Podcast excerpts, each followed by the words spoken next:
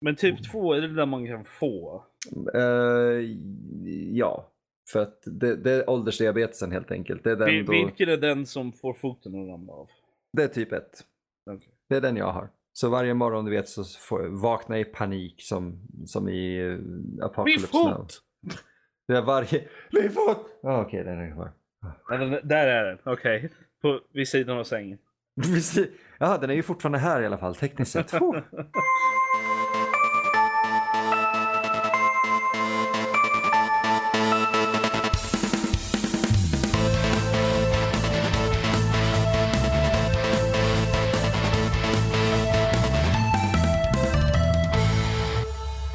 Hallå och välkommen till Nördliv, en uppenbarligen potlös podcast. Vi ska höra med Emil sådär. Ocensurerad. Os ocensurerad, fotlös, hjärnlös, prettolös. Nej just det, vi har Emil med oss. Det här- dagens, dagens avsnitt som ni lyssnar på just nu är 249 och datumet när vi spelar in det här är den 29 februari 2020. Det här händer bara vart ihåg. fjärde år. Gör det. Det här händer bara vart fjärde år, precis. Och med mig så har I- vi, som, som, det vi, som vi 29. hör tyst, så har vi Suckarnas Rob. Säg hej. Eller sucka, välj själv.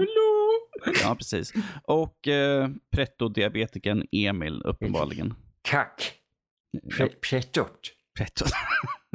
Fett och näsan Danny är där. Kack, kack. Oh dear, dear, dear, dear. Jag Nej, ty- nej, men det som, det som händer var fjärde år är inte den 29 eh, februari, utan det är den här podcasten.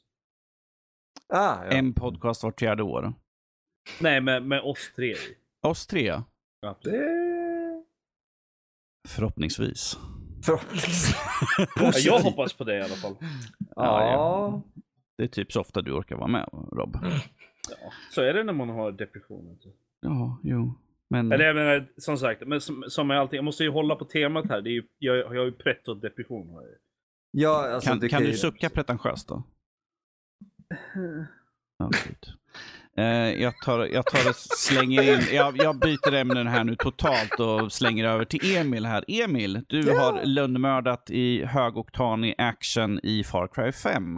Varför slängde du, tog du dig an Far Cry 5? Det känns inte riktigt som din typ av spel. Oh, intressant. Eh, Jag vet inte vad jag skulle definiera som min typ av spel egentligen. Gamla 80-tals, eh, 80-90-tals retro shooters. Pre- Om vi kollar dina recensioner så, uh, ja, Jag förstår inte någonting. du gör inte det. Nej, nej. Men Far Cry 5?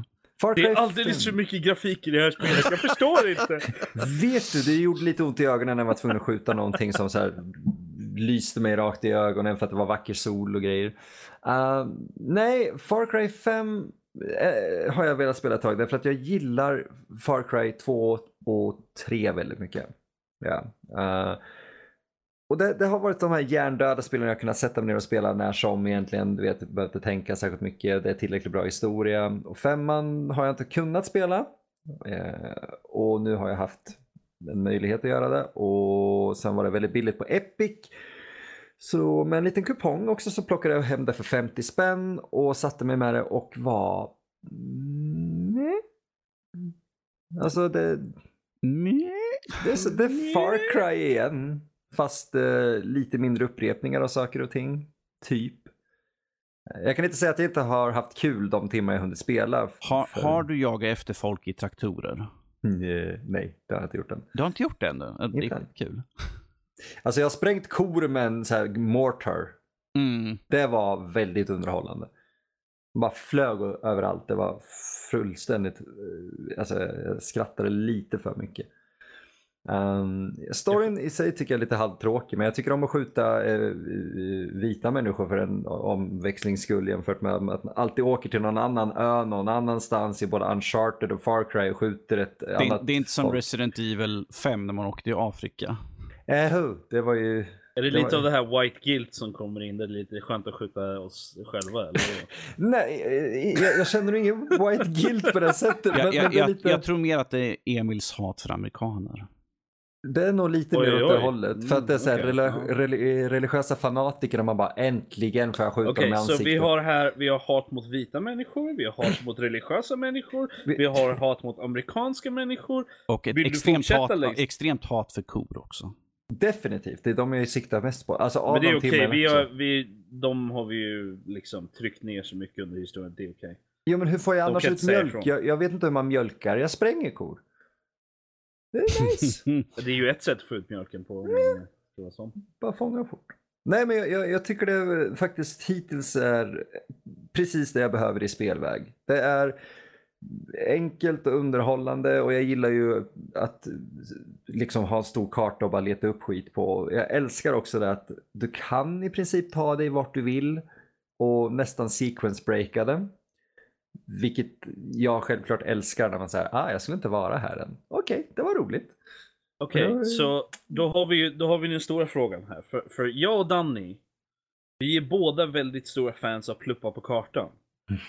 Mhm. Vad är din åsikt om pluppar på kartan? Alltså, det, det är ett problem för mig. Han måste, han, gotta catch them all. Ja, Okej, du är i, i, i gott sällskap. tack. Det är lite, jag känner mig trygg här, därför kan jag erkänna det.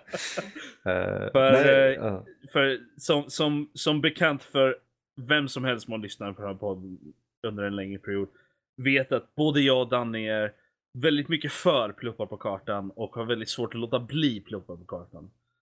De ska inte låtas bli. Alla pluppar ska samlas ihop. Är, är det nu jag ska säga, eh, säga att jag råkade köpa in Far Cry 4 och Far Cry Primal och det är massvis med pluppar på de kartorna. Mm.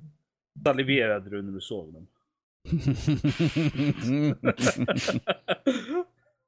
Ja, men det, alltså pluppar på kartan är så extremt tillfredsställande. Jag tror det är därför man samlar på saker överhuvudtaget. Att det är så här, lite till, man får lite till. Man samlar ibland, ibland så får man lite så här, lite ångest av det, känner jag. Mm. Ibland. Jag, har, jag har kört en hel drös med eh, Final Fantasy 14.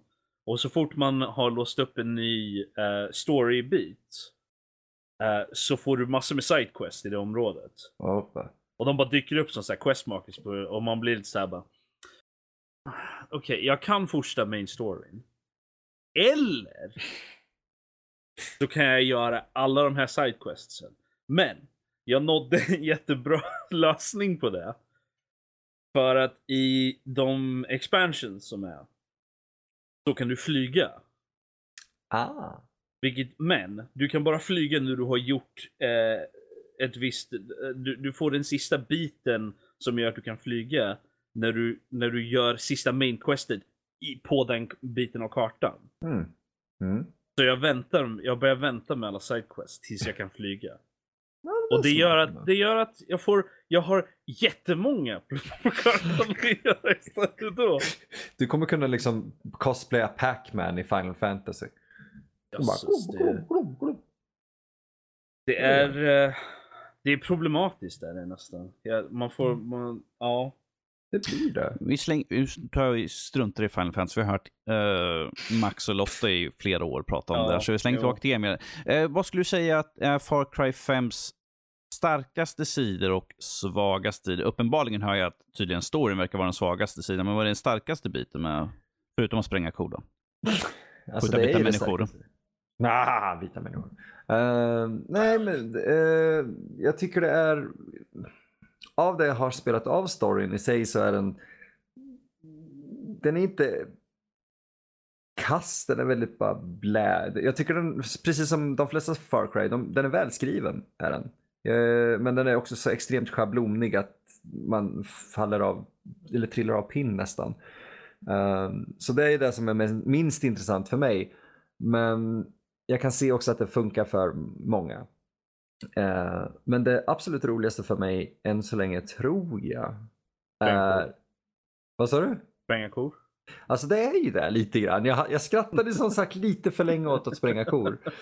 Uh, men jag tror bara att leka med alltså typ eldfysiken och sådär. Eh, att, att smyga mig på uh, religiösa fanatiker och se okej här har vi typ ett väldigt torrt fält eller någonting och kastar jag en molotov här så behöver jag inte göra särskilt mycket. Och vips så är det det som sker och det funkar bra. Och de sista som så här, springer runt i panik kan man skjuta med en pilbåge. Det gör mig bara så här, det är så väldigt tillfredsställande på samma sätt som det var i, i Far Cry 3 och 4. Jag menar, det, det är inte så förvånansvärt egentligen, men jag menar det, det modernaste spelet du har spelat innan det här var ju typ från 95. Så tekniken har ju gått vidare dess. Om nu bara Doom kunde få eh, gamla retrografik Doom Eternal så hade jag varit nöjd alltså. De släpper ju samtidigt Doom 64 ju. Just det, det, du, vet du vad? Det är seriöst där jag ser fram emot mer än Eternal. Vad är du, what? Vad är Doom 64? Det är gamla Nintendo 64 du. Doom Och vi har, vi, har, vi har bara haft Doom 64 EXE innan och nu får vi ett eh, officiellt släpp. Mm. Eftersom de sköt upp det så slängde de med den som eh, en pre-order-grej helt enkelt, som eh, plåster på såren. Det är väldigt coolt. Det är schysst. Mm. Sen ska de inte att skjuta upp för det hade redan haft spelet. Ja, ja. Mm. Men Boo-hoo. vad- det är ju inte så lång tid kvar. Det släpps ju den tj- vad är det, 20 nästa månad. Jag tror det var det med. Så det är inte Ja, lång tid kvar. Ja, den 26 tror jag tror jag så. Då kommer uh, DLCn, första DLCn för Control. Oh, just det. Control kan... Ja, mm, ja, mm. Jag har för många spel som ligger, ligger fortfarande som är halvspelade. Jag, jag har fortfarande, på tal om gamla retrospel om man ska säga, jag har fortfarande 70% kvar av Amid Evil tror jag och jag trodde jag hade spelat igenom typ merparten av det. Och så ser jag bara att jag öppnat upp typ två världar av sju och bara ah! Ja, men du är en dålig människa, inte låsa Det är det är såna grejer jag får också. Jag, ser, jag har massor med spel som ligger som jag har börjat spela. Mm. Och jag känner liksom att jag borde spela klart det. Men... Mm. Men du har ju all tid i världen. Ja, men det, det tar emot ibland liksom. Och då måste man liksom sätta sig in i det. Ja. Det, Ta, ta inte, det ett spel i taget och kör det tills det är klart pojk. Du, jag har försökt. Det, det går inte. Jag kan göra det, eller Satisfactory. Ja, ja. Du, jag, jag hör ju att eh, problemet ligger ju helt och hållet hos dig där. Det, det är Ja, ingenting men med det spel säger- utan det är bara liksom... Nej, nej. Ja, jag det, jag säger inte att det är ställe. det. det är, jag vet det. Det är, medve- det är helt jag. Det är definitivt det jag. Det är där man sitter och tittar. Ja, jag skulle kunna plocka upp liksom Witcher 3 som jag påbörjat eller kanske till och med Thief som jag påbörjade spela för typ sex år sedan eller något sånt där. Um, eller, eller så kan jag bygga lite mer Satisfactory. Eller göra några missions, göra några dungeons i Final Fantasy 14. Alltså jag känner att hade jag haft en switch, mitt gamla spelintresse och Skyrim så hade jag inte, man hade inte hört ifrån mig. E- Emil, Emil vi, vi behöver få lite fler delar av Kultpodden. Har du... Hallå? Emil? Emil? Hall, hallå? Nej, han lade på. Han sa att jag måste bara spela lite mer. Jag ska, gå, och skri- jag ska gå och skrika på drakar lite grann. Jag har en krönikeserie här om Elder Scrolls Skyrim, tio delar, tio sidor var. Jag skulle inte bli så förvånad faktiskt. Inte jag heller, men jag skulle vara lite rädd för mig själv. Det blir, det, den börjar liksom jättebra. Och det, det är så här resonliga argument och förklaringar. och sådär. Till slut så är det bara. Topp 10 skrik att använda mot bybor som påminner om dina chefer som du kan skrika på.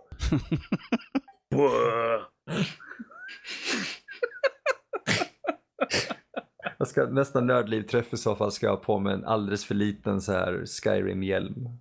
Och springa runt och skrika Forsrada. Det känns rätt. Jösses. Jag ser fram emot det. Det är jag med. Jag vill bara ha det på film. Åh gud nej. Det Alltså, finns jag- så mycket dumma saker på film Ja, ja, redan. herregud. Fredrik och jag kommer ha mobilerna fram och spela in för fullt sådär. Ja, men jag känner att det, det måste ju finnas. Ja, Då vill jag köpa en One-C eller sån här One Piece eh, med Spyro och ge den till Mattias. Och sen när jag är eh, i någon så här, ett, ett fyllemål med mina Skyrim-kläder så vill jag anfalla honom. Okej. Mm. Jag tillåter detta. Det är bra för Mattias har ingen säg i det. liksom. Uppenbarligen inte. Nej, nej, nej. Har jag köpt en One Piece åt honom då Han lyssnar inte på den här podcasten. Mattias, om du lyssnar på det här avsnittet, hör av dig. Call me. Så kommer det här inte ske. nej, nej, nej, nej. Mattias, om du lyssnar på det här. Ett, två, tre. Du har glömt det. Vi har en hypnotiker. Hypnotisör heter. Hypnotiker. ja, ja, svenska är svårt. Danny, känner du att du har kontroll över det här avsnittet? Alltså, jag gav upp för länge sedan. Sådär. Därför tänker jag slänga in en sak som eh, jag vet att du inte ville prata om, men jag tänker tvinga dig att göra det i alla fall. Mm. Det här är, nu vill jag bara poängtera ut att det här är bara ett rykte. Ta det med hur mycket salt som helst. Jag tror inte det finns tillräckligt med salt, men ifall det skulle vara sant skulle det vara coolt. Eh, ryktet är att Henry Cavill, även känd som Stålmannen, eller eh, Geralt of Riviera, eh, eventuellt Rivia. Rivia, whatever, jag spelar inte spelet så Nej, men du har väl sett serien? Ja, men ja, fan, jag lyssnar inte så jävla noga. Jag är ute för våldet. Eh, eve- eventuellt är uppe för rollen att spela Wolverine i Captain Marvel 2. Tankar på det. Okej. Wow, det gick precis som jag förväntade mig att det skulle göra. Men jag känner lite så här, mina två cents om Wolverine. För mig, det är så här, han, han ska, ska man spoila Logan? Be, go ahead, jag tror ingen bryr sig längre. Nej, alltså jag har inte sett den, men jag, jag har för mig han dör. Vilket är så här, Eh, det är ja och nej. okej, men fortfarande så här, det känns som att vi har fått ett slut på karaktären. Jo, jo, men det var ju i X-Men Continuity. det. Det här är ju i Marvel-universumet. Är det? Ah, Yes. jag är gammal. Ja. För det, det är fortfarande lite sådär att det är ju det är ju Hugh Jackman som är Wolverine. Och Ja. det, det krävs, tror jag, ett par år till innan man kanske kan acceptera någon annan i rollen som honom. Jag skiter i vilket egentligen. Jag tycker han gjorde Wolverine fantastisk, men jag tror att folk kommer bli väldigt så här. Mm, om inte Cavill levererar till 100% så kommer det bli en skitmacka utan dess like. Nej, men Cavill är ju en jättebra skådis. Han Oh, får ju ja. till och med Stålmannen att verka liksom Sympatisk. mer än tvådimensionell. Um, Försöker du säga att Christopher Reeves roll, äh, rolltolkning av Stålmannen var inte nej, bra? jag menar bara på att skriptet för alla de Stålmannen-filmerna som Henry Cavill var med i var Mm. skräp. Han var Ehm, inte lika mycket av en Mary Sue som Reeves. Nå- Något jag tycker som Henry Cavill har till sin fördel och till sin nackdel är hans fysik. För om vi tar till exempel i Man of Steel, när man får se honom utan skjorta. Han är jävligt biffig. Wolverine är jävligt biffig. Väldigt hårig också. Problemet med Henry Cavill är att han är djävulskt lång. Han är typ Mm. en 1,85, 1,90 medan Wolverine, Wolverine i serietidningarna ska vara betydligt mindre. Ja, han ska vara menar- kort, kompakt. Ju med att, nu, nu, nu är det ju så att eh, Hugh Jackman var ju också... ja, jag vet att han var också, vilket, äh, det var ju där folk hade problem också med att han var för lång. Men jag tror det var någonting som folk glömde bort ganska fort. Ja, ja precis. hur Ifall, ifall de får liksom in... För Wolverine är ju en rätt karismatisk karaktär även, och är hemskt brutal också sådär. Men att han har ju en viss charm över sig. Han Yes. har ju animalisk instinkt och allt Ja, sånt men där. jag, jag tror att man behöver nog egentligen bara titta på, eh, på Witcher-serien så ser man ju att det finns ju lite Wolverine i, i, i Witcher. Liksom i Geralt. Men det är att ingen ser det uppenbara valet här. Brutal, karismatisk, kort. Danny DeVito som Wolverine vore det logiska Ja, valet. jag såg, eh, jag såg eh, nya Jumanji-filmen. Oh. Gjorde jag. Vilket, den var helt okej faktiskt. Mm. Eh, underhållande. Precis som förra Jumanji-filmen också. Mm, jag gillade förra så. Eh, och Cool. Danny DeVito är ju med i den. den nya. Oh. Uh, inte sådär jättemycket eftersom han är personen utanför när de går in i spelet. Det är en hel, ja. Eh, men uh, och det roliga då är att du har ju The Rock som, försöker, som gör en Danny DeVito impersonation. Vilket är lite roligt. Eh, och sen har, ja, jag vill inte, jag vill inte spoila någonting men det är, det är en annan karaktär som också är tvungen att göra och gör det mycket bättre också tycker jag. Men mm. Danny DeVito han är ju en, han är ju så han, man glömmer bort hur liten han är egentligen. Oh, ja. Eh, Han är ju en liten rund boll bara. Det är som i Twins, man ställer honom bredvid Arnold, så man bara gud. wow. Ja, fast då var han ju relativt ung i alla fall. Ja, Men han är fortfarande lika liten. Nej. Det tror jag inte. Jag tror han är mindre nu faktiskt. Han har krympt så mycket Han har inte åren. blivit fetare, han har bara liksom blivit mer kompakt. Jag Ja, menar, jag menar ifall, han ifall han skulle göra Penguin igen så behöver de inte ge honom en fatsuit sådär. nu är vi elaka, där är en fantastisk Den, den är skådespelare. lite är fantastisk. Men, jag, jag säger inte att det är något negativt. Jag säger bara det, det, det är faktum att han är väldigt liten. Mm. Så vem skulle ni se? Henry Cavill eller Dan DeVito som uh, Wolverine då? Kan vi kombinera dem på något sätt och göra Vi typ kan en inte- half-breed? Nej. Som är typ... För då, då kan man ju få liksom... Kanske lite rätt däremellan.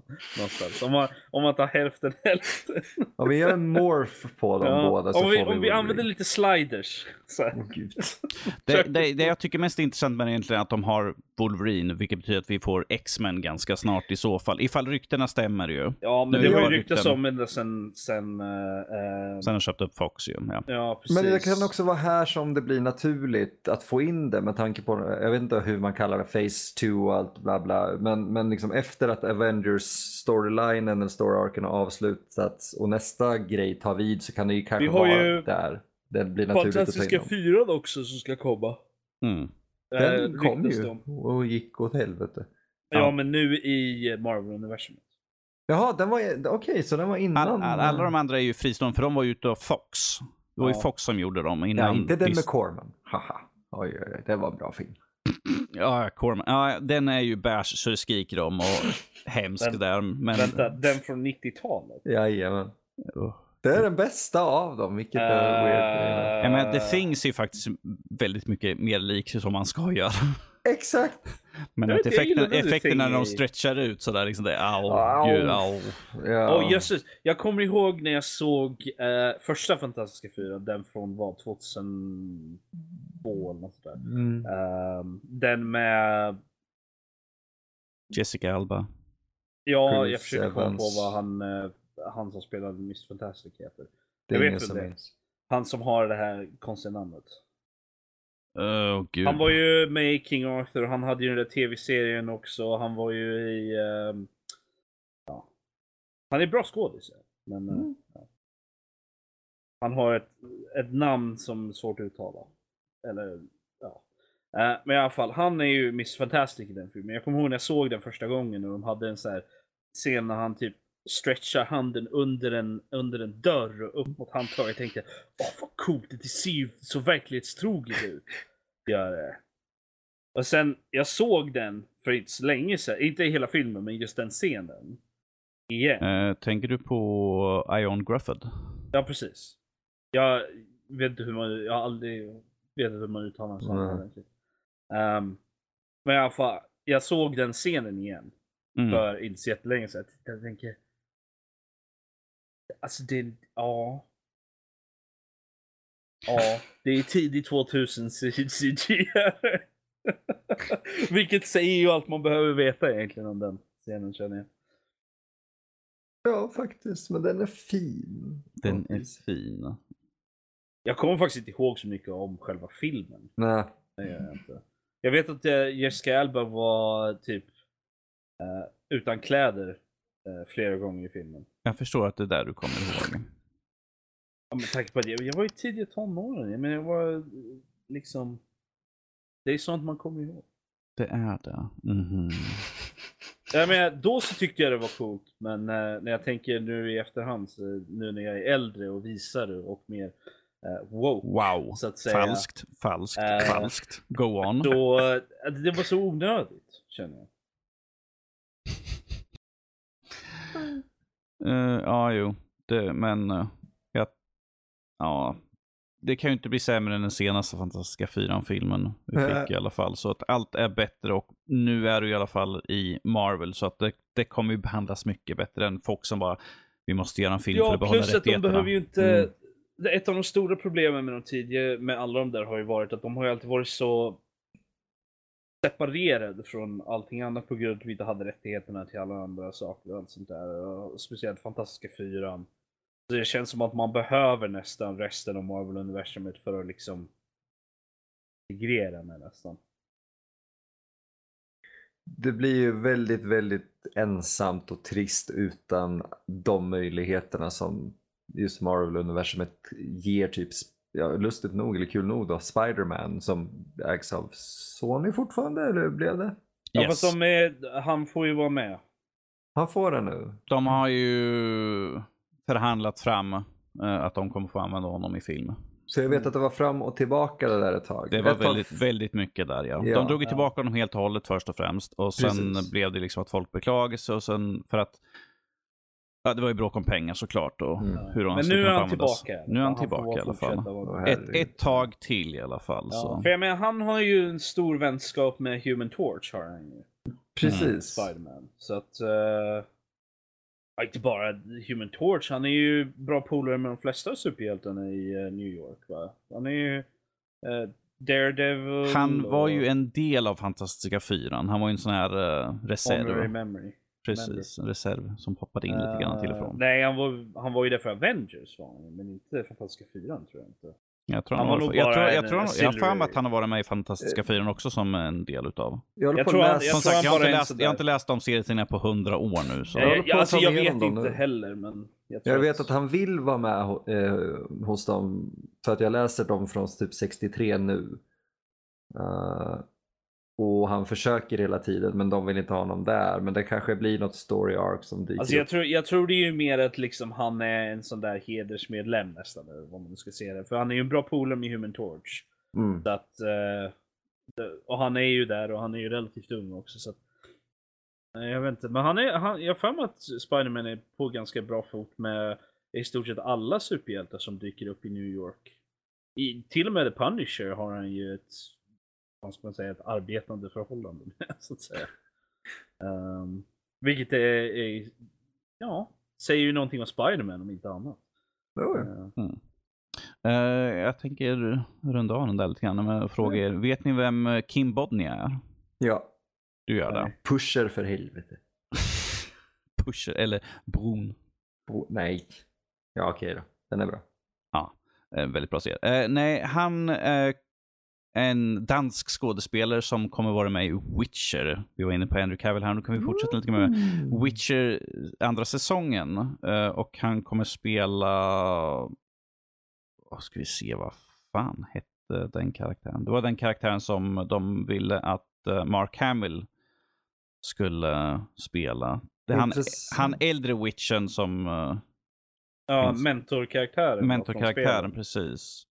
Det är väldigt intressant hopp från Mark Hamill till Kim Bodnia. Men jag kan se Bodnia framför Hamill i den. Ja, här. Ja, Eh, han är Ves- lite mer- Ves- Vesemir, eller hur man Han är lite mer av en gruff mentor snarare. Jag, jag tror att jag, jag, vill, jag, jag vill inte se Mark Hamill i en sån roll nästan. Jag vill, ha, jag vill ha någon som är lite snällare, lite trevligare mentor. Ja. Men jag vill se Mark Hamill i fler grejer. Vill jag göra. Jo, men vi kan inte ha, vi behöver ha en gammal så här, dansk ex-pusher, alltså knarklangare liksom som spelar en, en mentor. Det är vad vi behöver. Vi behöver inte ha Luke Skywalker. Nej, det är bara min... eh, Ja, men om jag får välja så tar jag ju hellre Luke Skywalker om jag Oh. ska vara sån. Om vi säger, Eh, om vi säger så men då- då Kim, om vi säger, Rob, grunder. om vi säger så här. Kim Bonnier han är en väldigt bra skådespelare. Oh, Ja, nej men det tvivlar jag inte på. Så om du har sett Bron så vet du, så Nej. förstår du. Men du skulle ju inte se för en svensk-dansk serie. Ja. Och jag med mitt danskhat, om jag kan tycka om honom, då kan alla tycka om honom. Och jag, jag tycker att han ser rätt ut också ifall man tittar på Mm. bilderna som finns eh, på den här Vesemir och man tittar på eh, Kim Bodnia, Bodnia. Så de är väldigt snarlika. Det är liksom bara trimma till lite grann, lite längre hår, sådär bakåt kammat så done deal. Men som Det- sagt, de, nu är de, de baserar ju på boken så de behöver inte ha det som han ser ut i spelet typ direkt. Men att, Nej fast de har ju tagit saker från serien. Ja, så- jo. eller från spelen som som inte är med i böckerna tydligen. Så, men tydligen så är de, jag vet inte, jag har haft diskussioner med folk och det är lite så här att okej men enligt vad jag har läst så, men vad vet jag egentligen? Jag vill läsa dem faktiskt. Jag vill nog Ja, jag läsa funderar dem på att försöka hitta någon portalbok eller något sånt där och kanske lyssna på den. Mm. Ska vi se. Du, du, du, du, du, du, du. Hört Åtta, åtta böcker ty, finns det tydligen. Och inte så här jättelånga heller för mig. Så. Nej. Ja, Jag tror det är, en del av dem är typ så här short, nästan som short story Mm. collections. Precis. Jag vet att någon samling som de säger den här kan man läsa först för att den utspelar sig först är en just eh, novellsamling, jag ska säga. Eller short stories. Ja, de finns ju att hitta. Oh, ja. Du kanske ska kolla nu när det var det bokrea, eller bokrea och sånt. Ja, så. Det är en bra idé. Du är en bokrea. Det är en bokrea. Hela Roar. din näsa är en bokrea. Du vet, du vet hur gammalt det där är Rob att kalla mig näsan. Det var liksom i våran första podd Ja, nu som var vi det, körde nu var det ju inte liksom det som var poängen där. Nu var det ju bara att jag ville liksom poängtera ut en del av din kropp som var en bokrea. Du, och jag du vet ifall, ifall, ifall någon någonsin skulle träffa oss, speciellt dig och mig tillsammans, skulle de titta på mig och tänka så här att man kan ha honom för näsan, men att Rob har fan större snok. Damn! Ja. Aha. Så de bara, Ja, jag det- förstår det inte så- det där. Men eh, så är naturen av podcasts. Det behöver inte vara nödvändigtvis sant.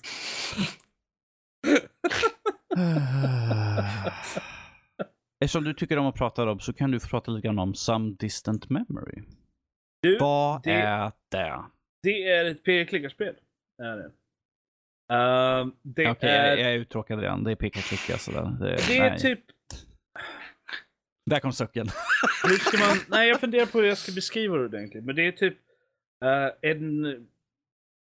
Du, du spelar sig i framtiden. Eh, Mm. jorden har typ gått under eller något sånt där. Och de... eh, och en...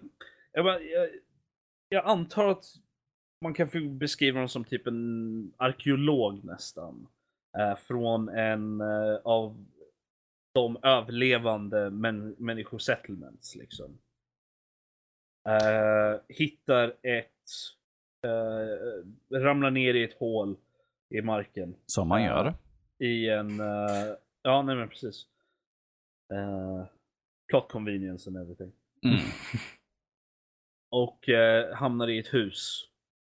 Från förr i tiden då. Och man går igenom det här huset och får liksom uh, gå igenom minnen och uh, liksom historien av huset och personerna som bodde där. Uh, genom att se typ hologram och läsa noteringar, konversationer och sådana saker. Och det är väldigt Väldigt... känslosamt.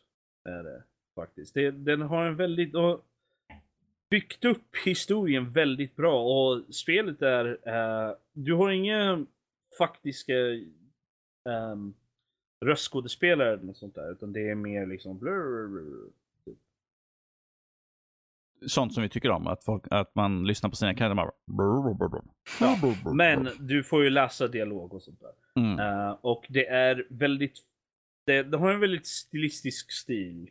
Eh, men det är inte så här pixel eh, stil utan det är Hand, handritat. handritade, precis. Mm. det ser väldigt, det är väldigt atmosfäriskt och historiskt. Jag vill inte avslöja för mycket egentligen för att jag känner att har man något form av intresse av det, av det så är det väldigt värt att spela.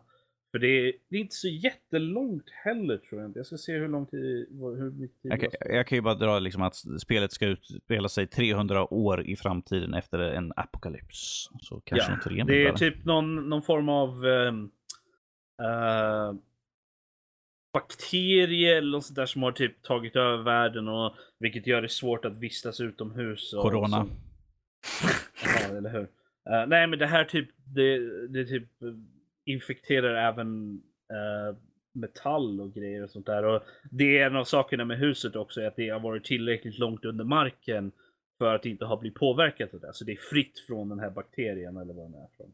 Och jag tog igenom, igenom spelet på tre timmar och jag tror jag spelade igenom det i en sittning också.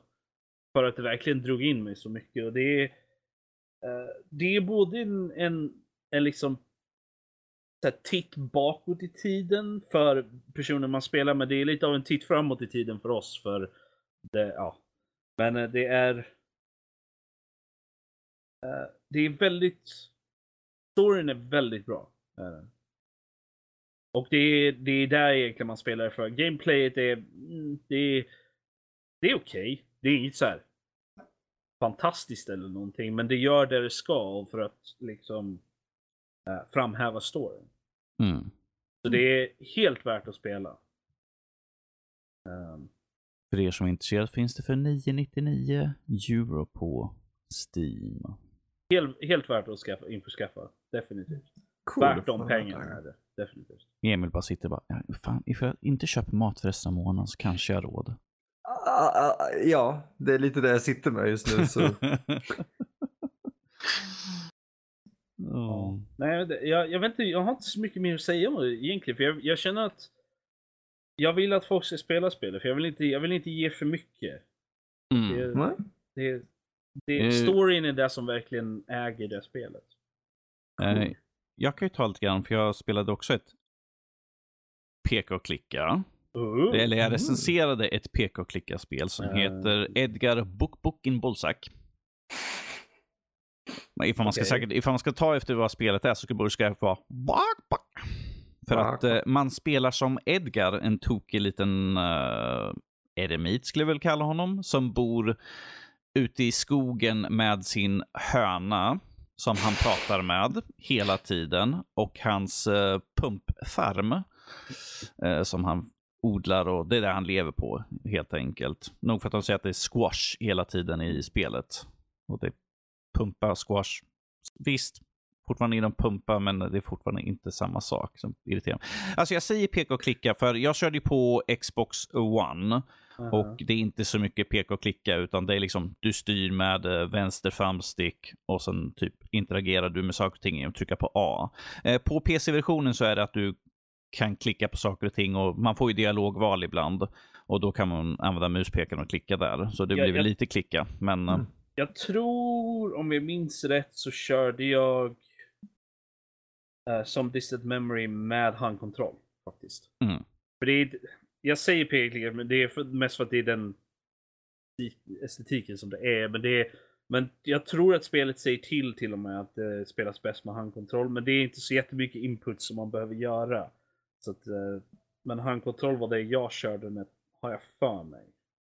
minnet är- bra men kort. Ja. Mm. Eh, nej, och eh, hans farm, eh, han har en maskin som håller alla insekter borta. Men en dag så går maskinen sönder och den styrs av en, nu kommer jag tyvärr inte ihåg vad den metallen heter, men en speciell metall. Eller något ämne. Anomtanium, precis. Det är anomtanium eh, som eh, man måste ha. Eh, jag, jag, kollar, jag fuskar och kollar min recension. Det är Eh, satt i samma universum som... eh, Racid, Racidium Avatar. heter det som han använder i maskinen. Men att han har slut så han ger sig av till staden uh, Bullsack.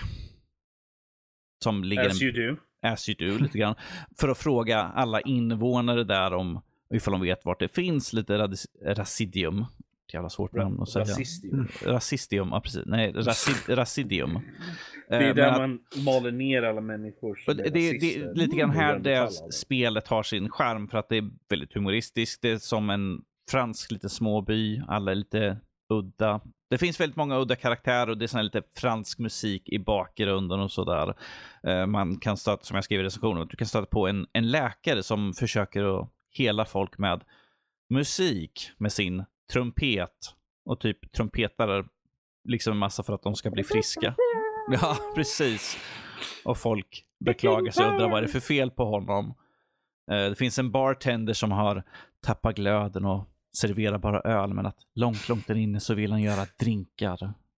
Åh nej, vad sorgligt. Öl? Ja. Jag trodde det skulle vara vin. Men okej. Ja, det är bara, Rasist. en, det är bara Vi är inte så djupt i Mhm. stereotypträsket. Okej, jag ser det. Ja, nej, nej, nej. Det, är, det här är en stad som går liksom, det är liksom, det är en stad som bara fortsätter vara. Det är liksom inget nytt händer. Folket, det finns en gammal gubbe som bara tycker om att sitta och titta på folk när de rör sig genom stan. Eller, och sen, sen ifall det blir natt så sitter han ute på bänken och sover. Man bara, mm, okej. Men under nätterna så börjar helt plötsligt folks ögon glöda grönt. Och så börjar alla röra sig mot en fabrik. Men vad som händer därefter, det tänker jag inte gå in på. För det är lite grann, det här ska man spela för storyns skull. Och är det den, bis, Säsong- den bisarra humorn som är i det här spelet. Eh, för att när han pratar med folk så kommer hönan in och bara back. och pratar med honom. Så man bara, eh, han springer också omkring med en, eh, vad heter det?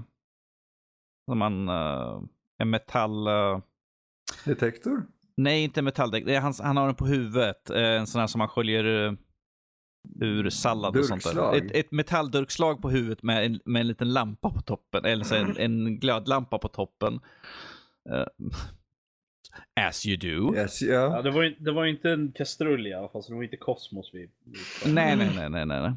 Ehm, och alla i staden har som en mystisk medalj, medaljong runt halsen som består av en grön ädelsten. Hmm, vad kan det vara? Alltså jag tyckte väldigt mycket om det här spelet. Eh, väldigt underhållande. Men här är lite, äh, lite kritik på spelet. Du kan bara springa omkring och klicka på allt och klara av spelet. Oh. För ifall du bara springer omkring och klickar på allting så kommer du förr eller senare klicka på rätt person eller rätt sak som, ta, som automatiskt tar det vidare i storylinen. Ja, men jag klickar på den här snubben. Jaha, han hade två val jag kunde välja. Spelar ingen roll vad du väljer för val egentligen, för man får alltid upp det andra valet nästan. Kan svara, få lyssna på, eh, få läsa vad det är också för någonting. Okej. Det finns inga menyer eller något sånt där. Trycker du på typ startknappen då får du upp liksom fortsätt spela eller uh, credits typ. Um, det finns ingenting som indikerar på vad du ska göra härnäst. Vanligtvis i spel så är det att uh, jag ska leta efter mannen med den stora gåshatten. Nu tar jag bara ett exempel, det finns inget sånt i det här spelet. Men att det finns ju sådana saker, eller ta det till den här staden, ta det till den här personen. Du skulle hämta upp de här tre sakerna. Finns inget sånt. För jag tog en paus i spelet när jag hade spelat. Det är inte ett sånt långt spel. Eh, 6-7 timmar kanske. Jag tog en paus mitt i. Så när jag kom tillbaka och satte mig, jag bara... Jag har ingen aning vad jag ska göra för någonting. För Men andra... ger, ger inte dialogen och sånt där som man har nu! någon form av ledtråd vad man ska göra härnäst? Nu! Det är väl ifall du hittar den personen som gav dig den så att liksom, du borde prata med Henry som står borta där. ja, men det är de det jag menar. Om, Ja, men alltså, då måste man, jag kommer inte ens ihåg ifall det fanns något sånt, för att jag har för mig att man pratar med personer och sen slutar de prata bara därefter. Att de har bara en viss mängd dialog hela tiden. En del saker upprepar de så här bara, är du fortfarande här? Gå ifrån, du irriterar mig. Kanske sådana saker upprepas, men att Jo, men, men storyn ger det när man väl kör liksom. när äh, du kör, inte- ja, ja, när du kör så säger de till exempel att för att kunna prata med den här personen så måste du hämta en paprika. Okej, en paprika. Då går jag till affären och pratar med hon som jobbar. Aha, för att få paprikan så måste jag göra det här. Visst, sånt. Men if, ifall du, Okej. ifall du Så jag, ser, pausar. jag, ifall, jag förstår vad du menar. Okej, så spelet kräver alltså att du kommer ihåg saker. Ja, eh, för som sagt, jag tog en paus, gjorde massvis med andra saker under tiden. Jag satt och kollade recensioner och sånt där emellan. Och sen när jag kom tillbaka, jag bara, jag har ingen aning vad jag gjorde för någonting sist. Eh, och sen blev det liksom att jag gick omkring en kvart och bara klickade på allting tills det var liksom bara att, ah men titta du har hittat rätt grej. Jag bara, ah, Okej, nu kan jag fortsätta köra för nu kommer jag veta vad jag ska göra härnäst. Vilket, uh, det tar ifrån ganska mycket när ett spel är, jag kan inte förlora på att springer bara omkring och springer till varenda gubbe jag ser, varenda sak som jag verkar kunna använda på något sätt, så klarar jag av spelet. Mm. Ehm, så Jag tror det, att det där kommer bara ner till att du är dålig. Nej, nej, nej. Jag, jag tycker det är, det är bara en dålig design att du inte har någonting. Du kan Alltså jag en- tror att det, det är en äldre typ av design. Jag menar om du sitter och spelar liksom gamla ehm, Monkey Island till exempel. Mm. Där har du ju inget sånt heller. Ja, men det här är ett spel som släpptes i år. Jo, jag vet, men Mm. eh, jag känner att det, det är inte fel. Jag vet inte om som Distant Memory här, det, det är ju betydligt mindre miljö. Men det finns, ett- det är många pigga klicka-spel egentligen. Och så den typen av äventyrsspel som faktiskt, de, de har ingen sån grej. De har ingen typ av quest-logg eller någon sån grej, utan det är alltså att eh, du får vandra, det är en, nästan en stapel av det här. Att jag ska gå omkring och klicka till allting tills jag Nej, kommer men liksom att du fram ska, till att, ah, nu är ska jag. tvungen att faktiskt komma ihåg vad saker gör för någonting. Ibland kanske till och med ta... Jag vet, jag vet att det här låter väldigt uh, um, novel och väldigt ologiskt och sånt där. Att Det är du så jag är inte förvånad. det, det är möjligt att du kanske till och med måste ta noteringar utanför spelet. Det är så... I, typ, i, I typ en anteckningsbok eller någonting. Precis. Gibbos uh, Cthulhu Adventure är väldigt så. Att eh, du, du får ju ingenting egentligen som hjälper dig direkt eh, om du själv inte noterar eller skriver ner. Mm. Vilket jag känner mig hemma i men jag blir också lite frustrerad idag. Men det finns ju nyare spel som gör sånt. Ehm, vad heter det där? Eh, jag har inte spelat det själv men jag har hört det i alla fall. Att, uh, Return of the Obra Dinn var ju också Ja, ett spel där, där du egentligen där du kunde vara hjälpsamt att ha en anteckningsbok vid sidan om så man kunde göra noteringar själv. Eh, så jag, jag gör det i vissa spel också att jag måste ibland göra noteringar. Eh, mest, för led, mest för pussel. Enda Lösningar. gången jag skrev upp sånt, det var typ när jag spelade Resident Evil och alla de här koderna för lockers gud, och sånt där. Det är, enda, det är enda gången jag skriver upp någonting. Annars är.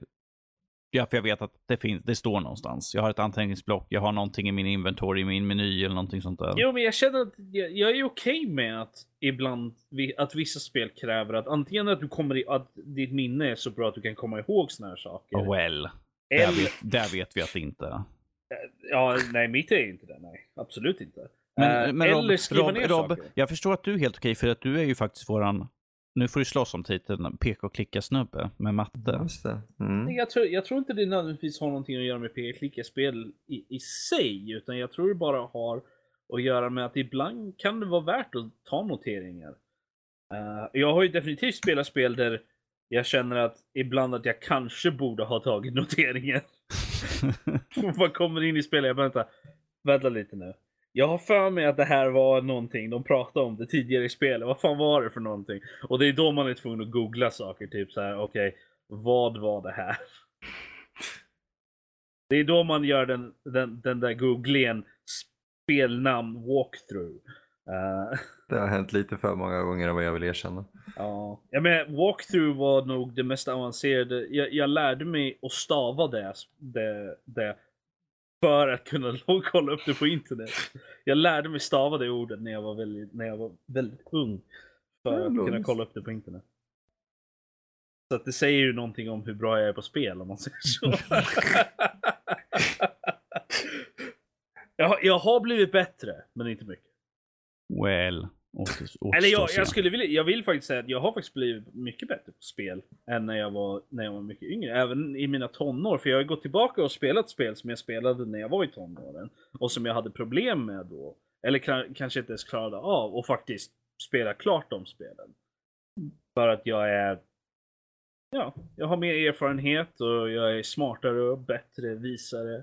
Falskt, tuffare, falskt, falskt, snyggare. falskare, mer Kan, falskt. kan vi inte bara erkänna att det är helt enkelt så att när plupparna finns på kartan är det lättare att hitta dem?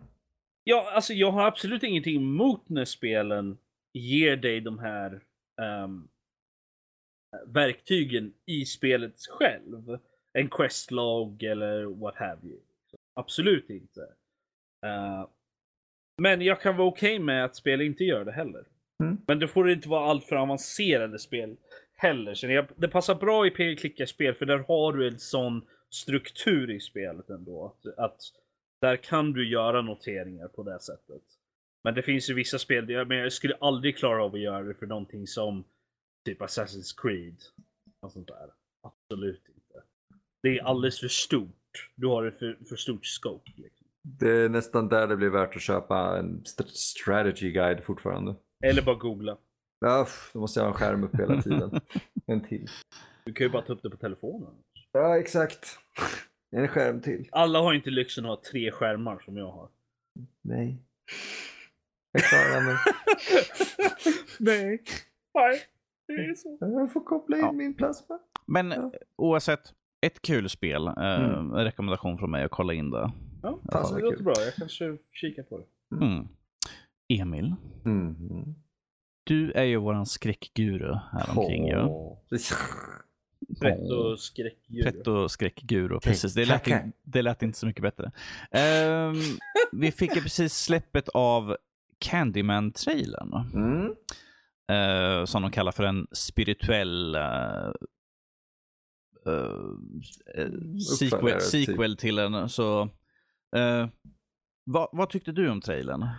Eh, jag blev positivt överraskad. Eh, Förutom, för- en, förutom en sak, CGI-bin. Mm, Ja, det störde mig. Det var, jag fick, pri- alltså, du vet, remaken av, eh, vad heter den med Nicolas Cage? Wickerman-känsla lite grann när de har en bil där. Ja, jag fick lite den feelingen när det var öppningen på trailern och det är CGB som bara så här Men mitt i du måste, ju, du måste ju tänka på att bin är ju... De håller på att dö ut ju. Ja, men vi då kan får inte de- använda dem i filmer och grejer. Det är, Ja, Det då får de ju komma på ett sätt helt enkelt. Skit i att bilarna dör ut. Då får de hitta någonting nytt som folk om fem år kommer kunna förstå vad det är. Humlorna! Där har vi. Jag tror att de faller inom samma kategori där. Ja, de gör inte samma sak så. Det är en stor skillnad där. Eh, Men Emil, innan du tar, kan, kan du liksom, för jag antar att det är några kan du snabbt ta premissen, vad är Candyman för någonting? Candyman är Candyman, eh, Candyman. i grund och botten egentligen en, en av de här Bloody Mary eh, vad ska man säga, myterna. Att om du säger Candyman fem gånger i en spegel eh, så dyker Candyman upp och Candyman är en mytomspunnen varelse med typ en klo som dödar dig. Har jag en spegel här? Eh, vi kommer nog få det här inspelat och livesänt när Rob blir mördad av Candyman. Vet du vad? Jag har faktiskt inte en spegel här Ta! inne. Han har 15 speglar där han vågar men jag räknar som, Ehm. om jag stänger av en av mina skärmar så borde jag kunna se min, eller jag kan ju se min spegelbild i typ telefonen så här, om jag vinklar den rätt. En väldigt modern tolkning. Um, Skit, skit okej, i. Rob. Skit, Ja, ignorera Rob Där bara. ser jag mig. Därför att- Candyman, Candyman, Candyman, Candyman, Candyman. Ah, han sa inget, han är död. Ehm, Yay. Ah, fuck. jag lever fortfarande. så ehm, Eh, nej, men den är ju skriven av Clive Barker så att det är så här, det, det kan ju vara fake. Um, och Clive Barker har ju också gjort Hellraiser, vilket är ganska intressant för både Hellraiser och Candyman har fått väldigt bra filmatiseringar innan. Uh, för att det är inte bara en skräckfilm Candyman utan det är ganska lite fokus på hej jag har en klo och jag kan köra upp den i dig. Eh, utan mycket mer om karaktärerna och deras sätt att liksom förfalla på, vad man ska säga. Och eh, jag har bara sett originalet, jag har inte sett någon av uppföljarna för att jag vet inte, originalet känns bara så fin, standalone på ett sätt. men, men alltså är det, går den efter en specifik typ av person? Alltså, typ en, Den, en, den som en, kallar på dem.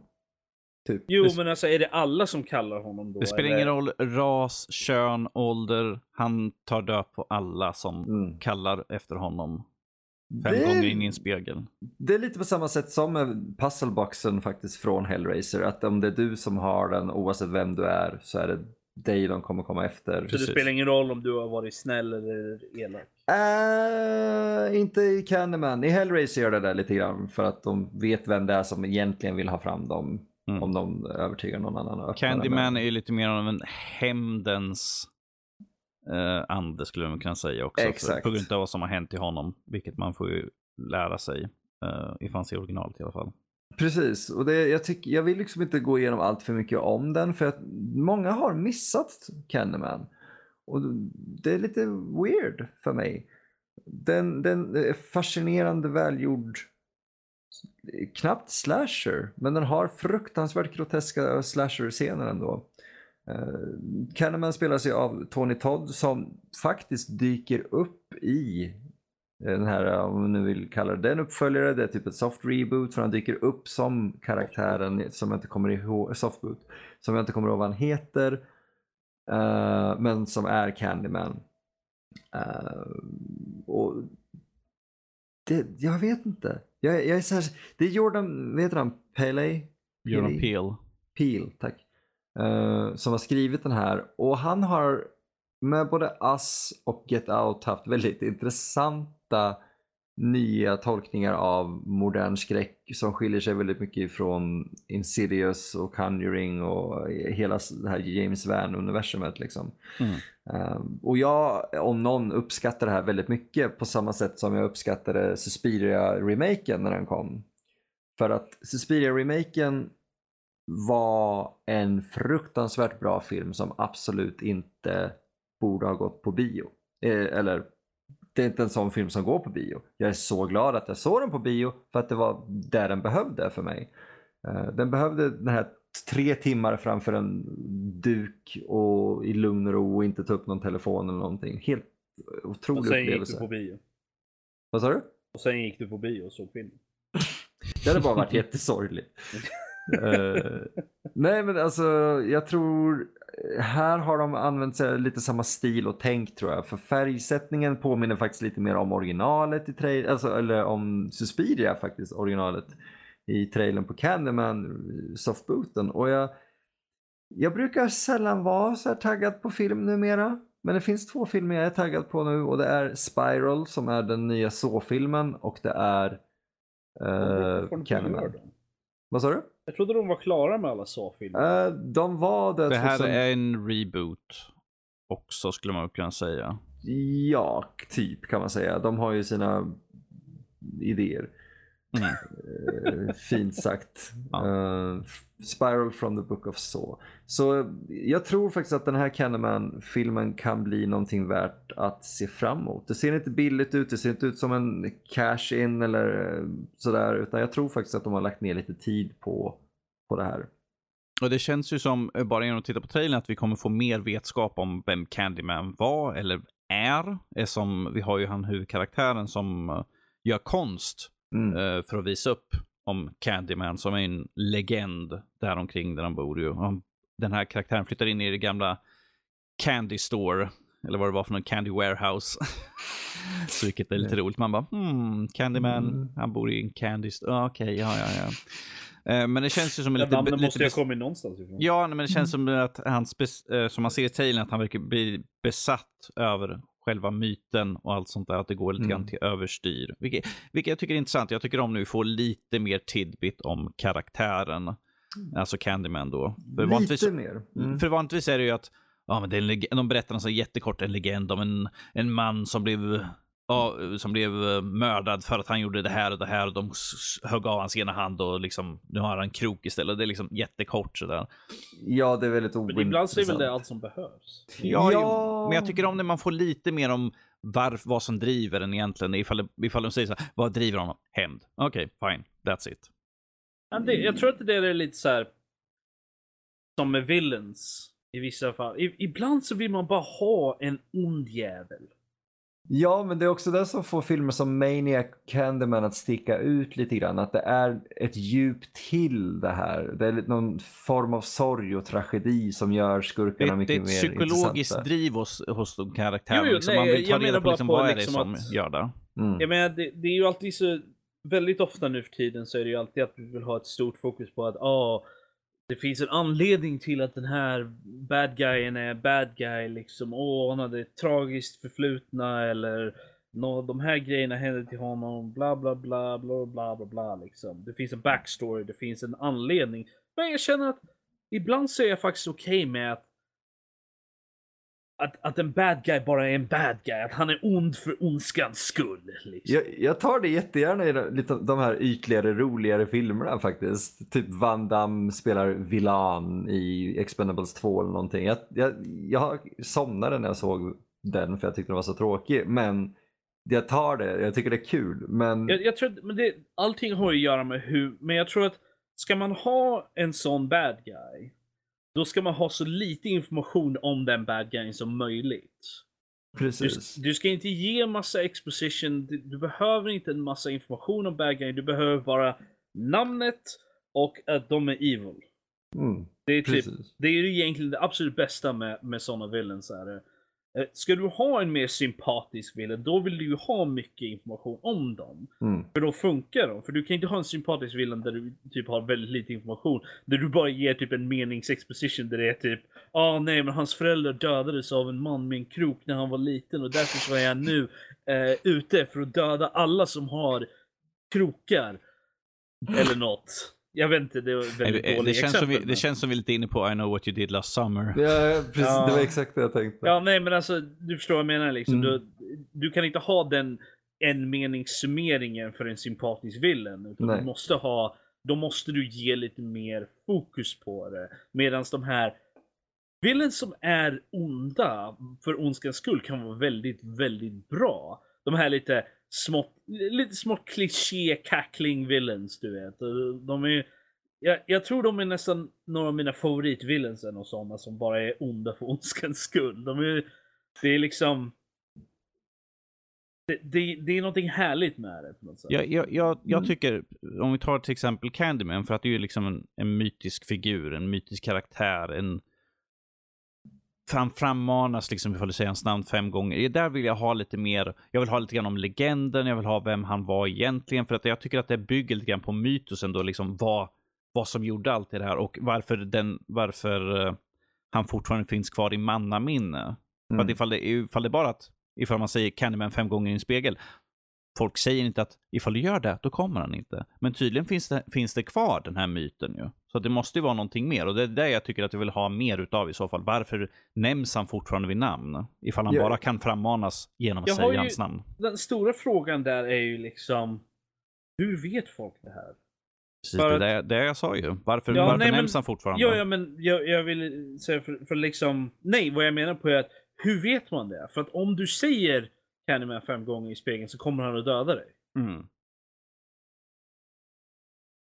Du vet, Det- det, det är väl någon kaxlande, kacklande liten tant i en liten, litet tält som bara "Ah, akta er för om ni säger Candyman. Jo men hur vet hon det? Det, det finns säkert alltså i boken och i f- uppföljarna men det, det är liksom hur, när man gör en filmadaption så är det också hur mycket kan jag ta mig utan att det blir en exposition. Ja, men jag, tror- jag tänker rent allmänt också liksom, så alla såna här såna här gamla historier, såna, eller såna här myter och legender. Man ser dem ofta i filmer också. och Sånt där, liksom, där Egentligen så borde folk inte veta om det här för att om man gör det så dör man. Det, det, kan- det, det är just den premissen som gör det ganska intressant. Att, att eh, ah, ja, men vi vet ju att det inte är sant och sen gör de det. Just för att det är så logiskt. Hur, skulle det här, hur, hur vet någon om det här om nu det är sant för, För det, att folk borde vara det är döda? väl samma sak med Bloody Mary, är det inte det? Precis. Mm. Det är ju också en sån där grej att säger man Bloody Mary tre gånger i spegeln så kommer hon att döda den. Jag vet faktiskt inte. Jag kan faktiskt inte legenden om Bloody Mary. Det, det är typ det. Det är typ, den informationen jag har är typ från Supernatural. Det, det räcker gott och väl. ja. eh, så där är lite så här. Det, det finns ju liksom ingen logisk förklaring till varför folk skulle veta om den, den Nej, nej. legenden. Det är rätt. I, Så i de är här frågan- legenderna så... Men jag, jag tycker alltid sådana konversationer är intressanta för att då undrar jag alltid om vad som kom först. Legenden eller eh, vad ska man säga själva det övernaturliga fenomenet. Mm. Är det så att det övernaturliga fenomenet kom, dök, kom först och folk lärde sig om det, då är det ju väldigt annorlunda udda att folk vet om det överhuvudtaget. Men om det istället är så att legenden kom först, att folk började säga det, ah, nej men om du säger Bloody Mary tre gånger i spegeln liksom, då, då dyker hon upp och så tick! Men och att det liksom, det vart en sån här del av public consciousness på något sätt. Att, att det, det typ frammanade Bloody Mary faktiskt existera. Du, du menar att, eh, att det var så många som tog och pratade om det. Det känns lite grann som Discworld. Ifall du avgudar en gud så blir den större jag- och starkare. Men Ja, att du glömmer det- bort så blir den liten och minimal. Ja, men det är inte bara Discord som har den. Det... Ja, men jag tänkte bara som en referens. Och jag har, alltid, jag har alltid gillat den idén att gudar och allt, alla såna här övernaturliga fenomen de existerade inte från början utan vi hittade på dem och sen började de existera för att vi trodde på dem. Eller ifall vi tar som Star Trek originalserien så är det att de var utomjordingar och kom och blev kom till våran planet och... Eller om man ska vara sån så kan man ju också ha Stargate. Um, eh, samma sak där. Ja. Game bara, jag har ingenting, ingenting i Ja, jämförelsefilm, nej. jämförelsefilm med Jo, serien. Ty, alltså, men jag, jag har så här, typ dy- dykt ner så jävla långt ner i det där kaninhålet nu att jag kan inte dra hela den vägen. Nej, alltså, jag, jag, jag, jag känner bara att sådana grejer är intressanta för mig. Mm. Tycker jag. jag. Jag gillar, när jag skriver och sådana saker också så tänker jag på, på sånt. Mm. För att jag, jag tycker att det är, det är alltid intressant vart sådana saker kommer ifrån. Och hur folk ehm, ser på det själva. Men ja, Du borde kolla upp Bengt af Klintberg. okej. Eh, så här, svensk folklivsforskare typ.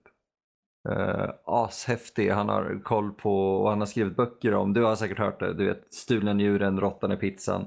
Uh, han pratar jättemycket om myter och legender och vandringssägner och sånt och vart de kommer ifrån. Nej, jag, min, en av mina polare hade massa böcker om vandringssägner och sådana saker. Jag, jag är en sån här Wikipedia person. Jag, all, jag, jag har en sån här Wikipedia-kunskap.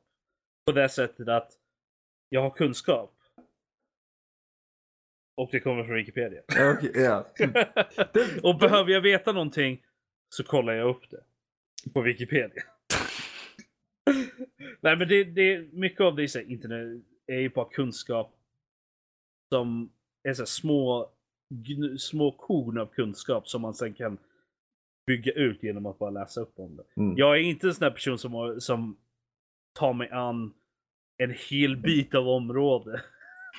bara för skojs skull på det sättet. För mig så är det alltid liksom, åh oh, jag får en idé, jag behöver flasha ut det lite och då, då börjar man Wikipedia eller kolla upp det på internet, googla någonting. Ja ah, just det, romarna, vad gjorde de för någonting? Sådana saker. Mm. Jag, jag, tror jag tar och hoppar vidare här lite grann. För jag vet att Emil, du hade lite grann att säga här om Robert Rodriguez som är en av två stycken. Vi har James Mangold och Robert Rodriguez som nu ryktas om att de kommer vara med och uh, leka runt lite grann i Mandalorian säsong 2. Ja. Och uh, Robert Rodriguez är ett väldigt intressant namn att slänga in där. Mitt i jag alltihopa. tycker det.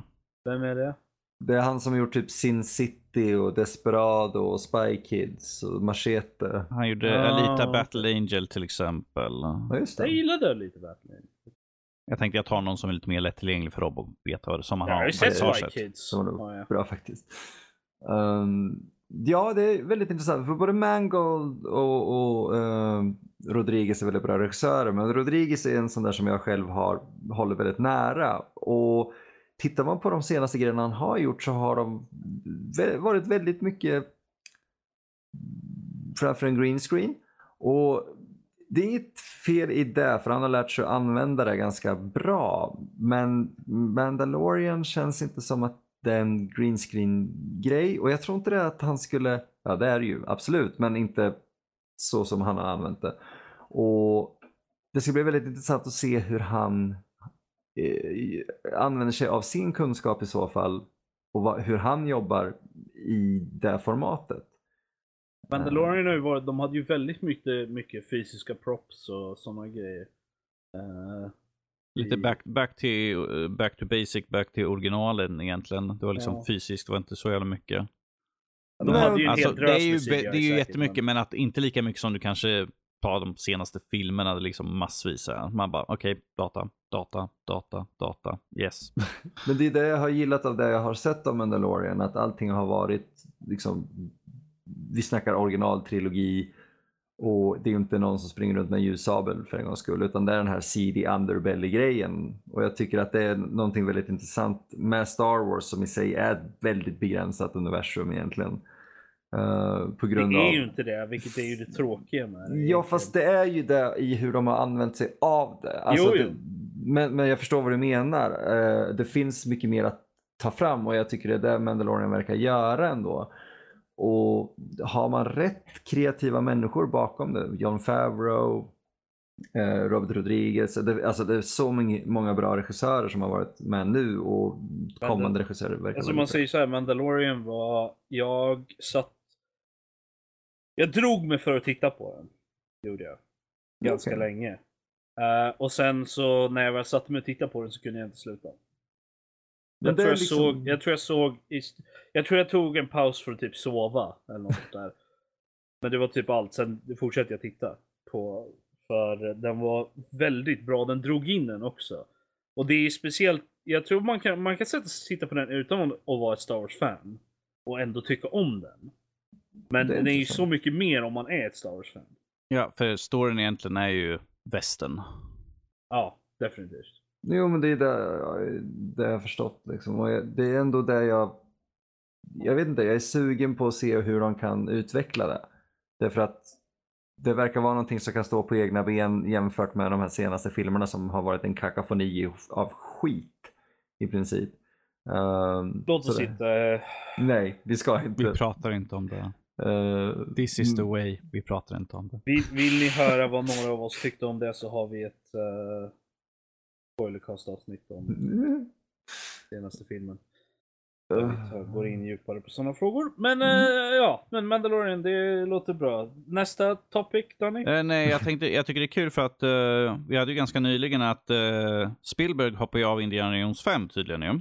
Oh, Han kommer ju bara vara executive producer och James Mangold kommer tydligen ta över rollen som regissör på filmen. oh. Eh, varför? Vet inte tusan. Folk spekulerar att det är för att han och Kathleen Kennedy har problem med, eller att han har problem med henne för att hur hon behandlade George Lucas eller att han bara helt enkelt inte vill. Så det blir ju i så fall första Indiana Jones utan någon av dem som sitter vid rodret så att säga. Ju. Visst, executive producer, stor roll, men att han är inte Ja. regissören ju där. Och eh, George Lucas finns inte med vid sidan av heller ju. På, in, I någon del av det. Så att... Men som sagt, jag vet inte hur den här, jag menar förra Indiana Jones, som inte existerar, vi pratade inte om den, var ju en katastrof. Mm, så jag den var är- helt okej. Ja, men, ja. men jag tyckte den, Den var, hade problem, ja. den hade problem med, De största problemen var ju egentligen Shia LaBeouf, men han var bara ett av problemen. Jag tyckte storylinen i sig. jag gillade Plus, plus att ändå. jag tänker så att Harrison Ford, han är, eh, vad är han, 70 plus? Mm. Någonstans där. Så jag vet inte, ha honom springa omkring. Vi såg ju i de senaste filmerna var med, han, han lufsar fram så här för att det är inte så mycket spring kvar i honom. Och Indiana Jones är ju lite mer aktiv. Jag jag har för mig att det här ska utspelas under 60-talet. Eh, och det har jag hört för att då kommer Harrison Ford vara i samma ålder som Indiana Jones. Här, så att det, Mm. det blir Ja, att det var ju det de en gjorde gammal. med att hoppa fram för... eh, Ja.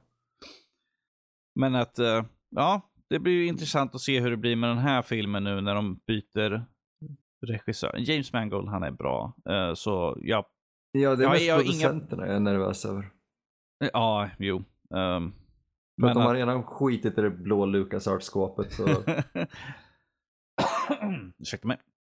Nej, alltså de behöver styra, styra upp lite grann. Mm. Och nu, jag tar och slänger in det här med jag ändå på Mm, gång gör här. Speciellt nu när Bob Iger, vilket är Disney CEO, har klivit ner från sin feta stol där uppe. Mm. Eh, han går över till att bara bli eh, eh, Executive Chairman, vilket är egentligen steget över. Men att då har han bara hand om vad som händer dag till dag och inte liksom över den stora eh, hela, vad som Mm. händer i hela Disney. Utan det, han blir, han har ju ut, sagt att eh, Bob Chapek, som egentligen var ansvarig för deras parker och sånt, vilket har varit en katastrof och Mhm. inte går bra alls. Han har, hans tidigare projekt, jag kommer inte ihåg vad det var, det var också ett failure, så att det här är hans tredje strike mer eller mindre, Bob Chapek, och nu ska han vara CEO för hela Disney. Eh, Ja, men Disney vet inte vad de gör. De Alltså- har inte vetat det på länge. Alltså problemet är att jag förstår inte varför Bob Iger går ner nu när, ska vi se, de, Fox köpte de in. Det här alltså under den tiden han var. De köpte in Fox, de köpte in uh, Marvel, de köpte in Star Wars, de har nu Disney Plus. De, eh, han är liksom, under den tiden han har suttit nu så har han ju byggt upp så mycket. Star Wars eh, är en helt sak i sig för att, som sagt, där är Kathleen Kennedy och jag skyller allt på henne där. Men, men i slutändan så faller ju allting på Bob Iger, för han är chef. Det är han som har sista ordet, vilket han nu satte ner foten och hon är ju bara en, en ikon egentligen. Hon syns bara. Och hennes kontrakt och allt sånt där. Jada, jada, jada. Men att jag, jag förstår inte varför han går ner nu när, när de är på väg upp. För Marvel har Det ju gått kanske inte jättebra. var hans beslut. Men jag Ja. tänker att det kan vara en styrelsegrej lite grann kanske. Visst, han har ju suttit längre än han skulle ha gjort, men att under den tiden han har suttit så har ju Disney bara gått uppåt. De har ju utökat hela deras... Men ehm, deras public image har ju också gått ner. Mm. Eh, Sen kan det ju vara också för att han, han är ju han är ju sugen på att bli president ju. Det han, det han varit, varit väldigt öppen med ju, att han vill ju bli USAs president. Inte i det här valet som är just nu kommer han ju inte vara, men att det blir väl troligtvis eh, därefter ju. Ja, 2024 va? Jag vet inte vad det blir för någonting. Ja, precis. Jag vill inte ha en Disney-chef som president. Jag, jag är bara mest nyfiken eh, ifall amerikanska folket vill ha en till miljonär Exakt. som deras eh, De har ju redan en, en miljonär som försöker bli president den här gången. Så. Ah, jo, han kommer ju troligtvis bli det igen, men det är en helt Nej, annan alltså en annan. Ah, ja, okej. Eh, vad är det han som... eh, Amazon? Vad heter han? Nej, just det. Uh, jag minns inte. Jag tror han... han... Jag tror det är han i alla fall, men jag, jag kommer faktiskt inte ihåg. Det är Min någon- psykolog sa åt mig att inte hålla koll på saker och ting så jag gör inte det. Ja, nej alltså jag...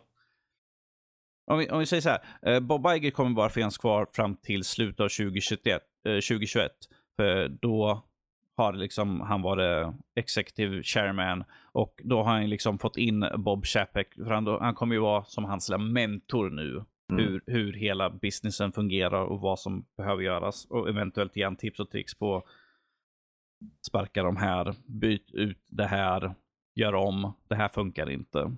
Så det kan ju ha som sin sista grej och försöka, kanske försöka styra upp. kanske vore, vore positivt att ha en yngre person att ta hand om såna här saker. Faktiskt är lite mer liksom medveten om tiderna och Nah. Jag tror det är så de resonerar. Nah. Ja, jag tror det också. Jag förstår. Jag, det, ja. Nej, kan vi gå vidare? För jag, jag får bara ont i huvudet av att Nu? tänka på allt det där. du får inte ju tänka på det, men då kan du prata om Orwell.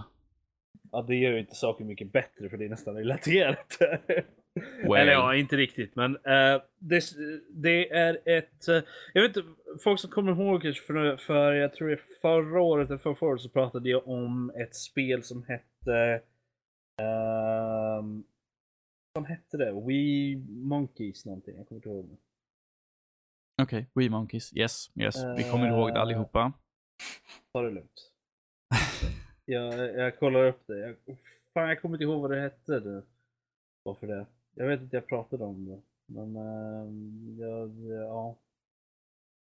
Det, det var ju ett så spel som eh, där man kunde observera folk eh, genom Do Not Feed the Monkeys. Så heter det. Ah, okej.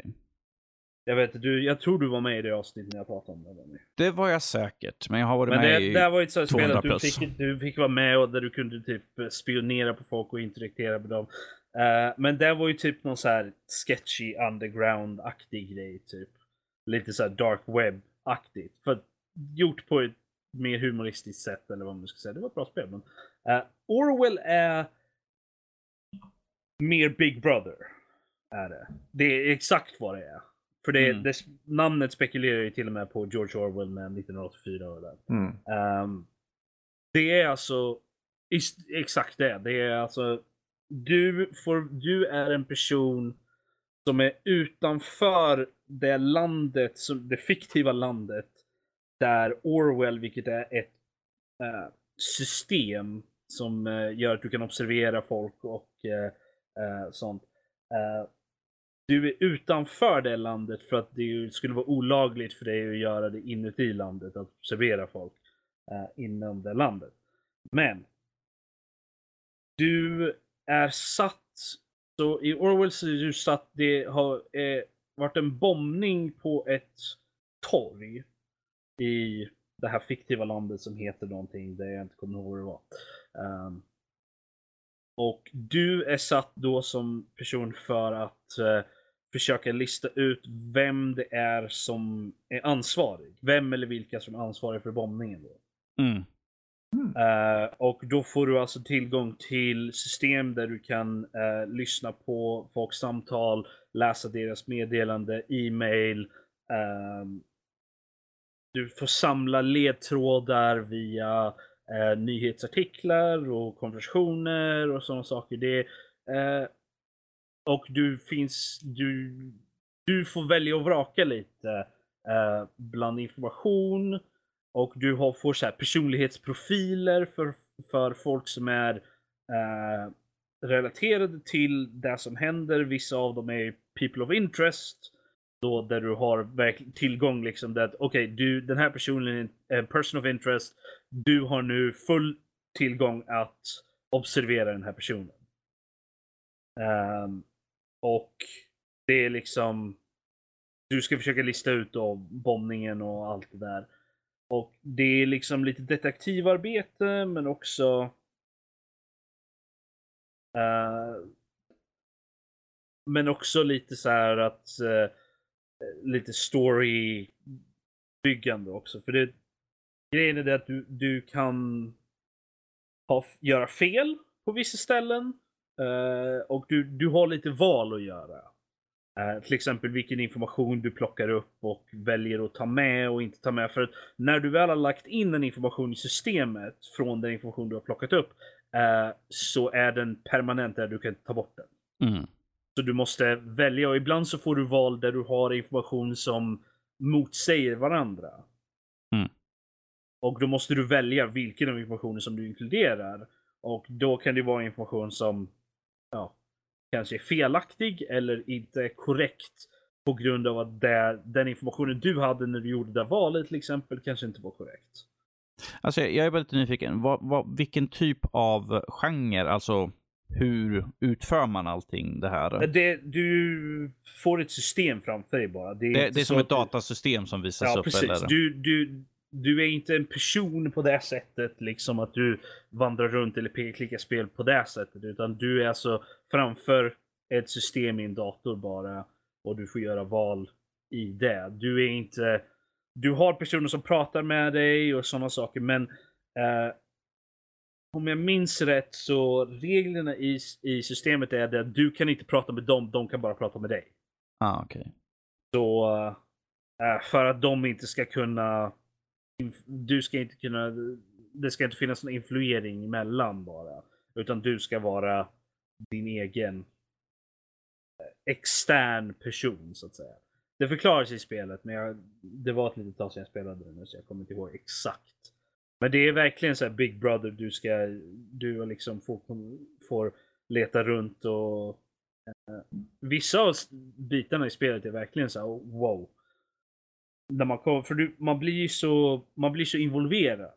På grund av att blir det här du lite är... lätt nojig när du spelar spelet eller? Nej, inte, inte personligen. Jag känner inte det. Men jag har aldrig varit speciellt nojig över sådana grejer. Men jag är en så tråkig person. Varför ska de sitta och Ja, liksom, ja, ja. Håller med. Jag kan mig. bara hålla med och säga att han är det.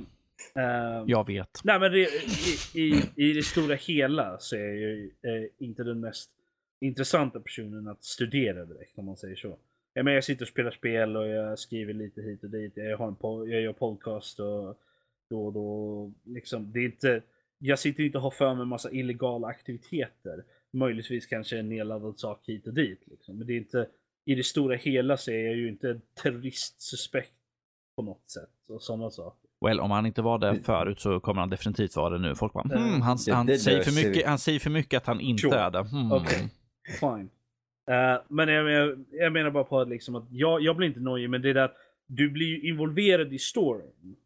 Uh, som, som, eftersom du, du listar ju ut den allt eftersom och du får lite så här aha moments då och då. Men du får också sån här, för uh, när du lyssnar på konversationer så uh, händer de i realtid på ett sätt att liksom du får texten kommer upp liksom allt eftersom. Du kan inte läsa allt på en gång utan den dyker upp så som den utspelar sig. Och då blir det lite så här att nästan som att titta på en film nästan i, i fast inte riktigt, du bara läser dialogen. Som kommer upp allt eftersom. Och eh, det finns specif specifikt en bit i spelet där du faktiskt måste eh, vara alert. Och faktiskt där du gör val aktivt eh, under en sån, sån, sån dialog. Mm. Som då eh,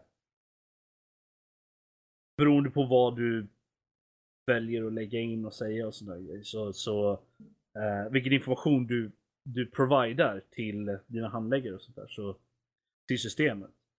Eh, så påverkar det utkom, eh, outcomen av, av den situationen. E- Egentligen hela spelet är ju då baserat på vad, vilken information du providar och det finns flera olika slut också. Tänkte just fråga ifall, för, för det, lät, det låter som ett som kan ha flera olika slut Ja. beroende på hur du väljer att interagera allt beror med på dem. liksom, eh, vad du gör för val, vilken information du eh, ger till systemet och eh, sådana saker. För att eh, det, det går i dagar att göra det. Så att eh, du får information under en dag och så kan du göra massa grejer, bla bla bla. Eh, och sen når du ett slut på den.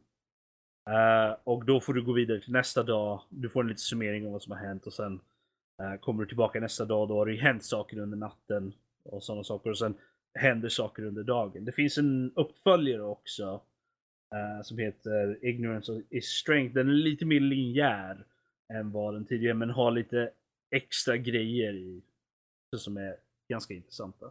Mm. Um, men jag skulle definitivt rekommendera Orwell för det är lite det är så här suspensaktigt. För dig som vill sitta och föra in saker och bestämma hur utgången blir. Här är spelet till dig. Orwell. Ja. men det, det är lite så information. Det är lite... ehm, Hur vårt ska- informationsflöde hanteras. Ja, nej, men jag, ska, jag försöker tänka vad, vad man kan jämföra det med egentligen. Alltså peka-klicka-spel är ju egentligen det bästa. Eh, speciellt om man tänker liksom spel som kanske Myst kanske, åt det hållet. Fast utan den visuella interfacen. och Det är bara Myst, information. du har ingen aning vad du gör och du kommer aldrig klara av det. Yay! Nej, men liksom att du... du det, är så, det är svårt att jämföra med någonting. Alltså det bästa jämförelsen jag har egentligen är ju egentligen Do Not Feed the Monkeys. Mm. Men jag är inte säker på vilken av dem som kom ut först. Heller, så... eh, Det är bra. Är, det- är, är den lik den eller är den här lik den andra? Hmm. ja, de är lika varandra om inte annat. Mm. Yes. Eh, så jag, jag kan ju definitivt rekommendera uh, dem för eh, eh, alla tre av dem.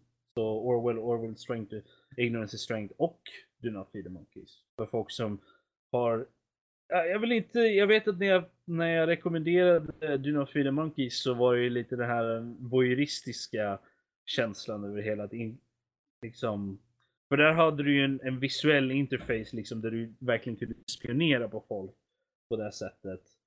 Uh, men i Orwell så är det ju lite mer att du är en employee, du letar efter information för ett specifik ehm, för någonting specifikt. Du har ett visst ändamål som du vill uppnå.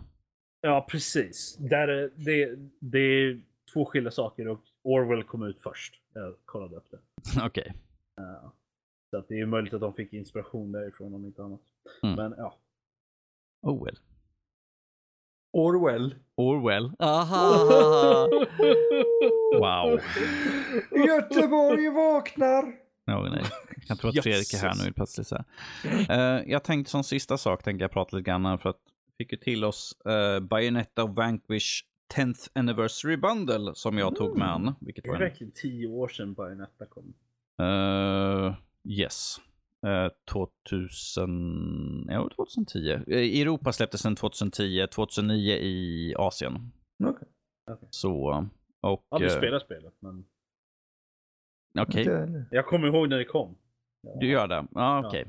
Det är sweet. Eh, det här är ju som sagt en liten eh, remaster, det är 4K, 60 FPS. Vilket, vilket behövdes kan vi säga på, alltså inte Bayonetta lika mycket. Eh, den grafiska uppgraderingen har fått är eh, väldigt bra. Eh, jag har jämförelsebilder i min text, men att stilla bilder gör inte, syns inte lika bra. Eh, Du har spelat in någonting då? Ja, jag skulle ha spelat in någonting. För jag har ju både Vanquish och Bayonetta på min 360. Så att jag tog och slängde igång den och tog lite bilder. Man kan se lite skillnad. Så här. Men att det som märks mest är ju gameplayet egentligen. Och speciellt då på Vanquish. Eh, för Vanquish, om vi säger så här på 360 när det kom ut. Well, det hackade och det var inte optimalt. Det var inte 30 FPS ibland ens, utan det gick ju långt ner. Eh, Oh. Bayonetta hade en, nästan en stadig 60 FPS igen på 360. Den kanske hackade ner lite grann, men att den har alltid varit stabil till skillnad från Vanquish. Vanquish är den som har mest gagnat utav den här utgåvan. Att nu flyter det på eh, riktigt bra. Det ser Okej. mycket bättre ut. Så Vanquish, vad har det med Bayonetta att göra? Det här är alltså utav samma studio. Det här är Det är Platinum, det. Platinum Games. Men de har är- ingenting med varandra de har absolut inget. Det här är bara en bundle, Rob. Jag släpper, det, Nej, men båda jag- spelen jag släpptes för tio år sedan. Jag ville bara veta, för jag hade Yes. ingen aning. Okej, Men de är från samma utveck- Men i så fall så är de säkert, var de gjorda för Playstation originalt? Eller? De finns på, både, de finns på Ja, Playstation. nej, jag tänkte, ja. vad, eller vart, vart de portade till Xbox. På. nej, nej, alltså om vi säger så här. Bayonetta finns till Playstation 2 och det finns till, vad det? Playstation 2? Tre är det. Eh, Tre eller? menar jag. Mm. Ehm, Tänkte väl? och, eh, åh gud, vad var det? Var det Playstation vilken, 2 var det spel som Wii, släpptes 2010? Wii U? Jag kommer inte ihåg vilken den kom Wii på. Jo, Wii U. Tvåan Wii U. Wii U. Om vi säger så här. Eh, jag kollade på, för de släppte ju, Digital Foundry släppte ju en genomgång. Mm. Eh, vilket jag tyckte var väldigt intressant. Jag kom både, både på Bayonetta och Vanquish. Eh, vilket jag kollade bara för det. I, för att se, liksom, för jag kommer inte ihåg, för jag har ju bara kört den på 360 så jag är lite nyfiken.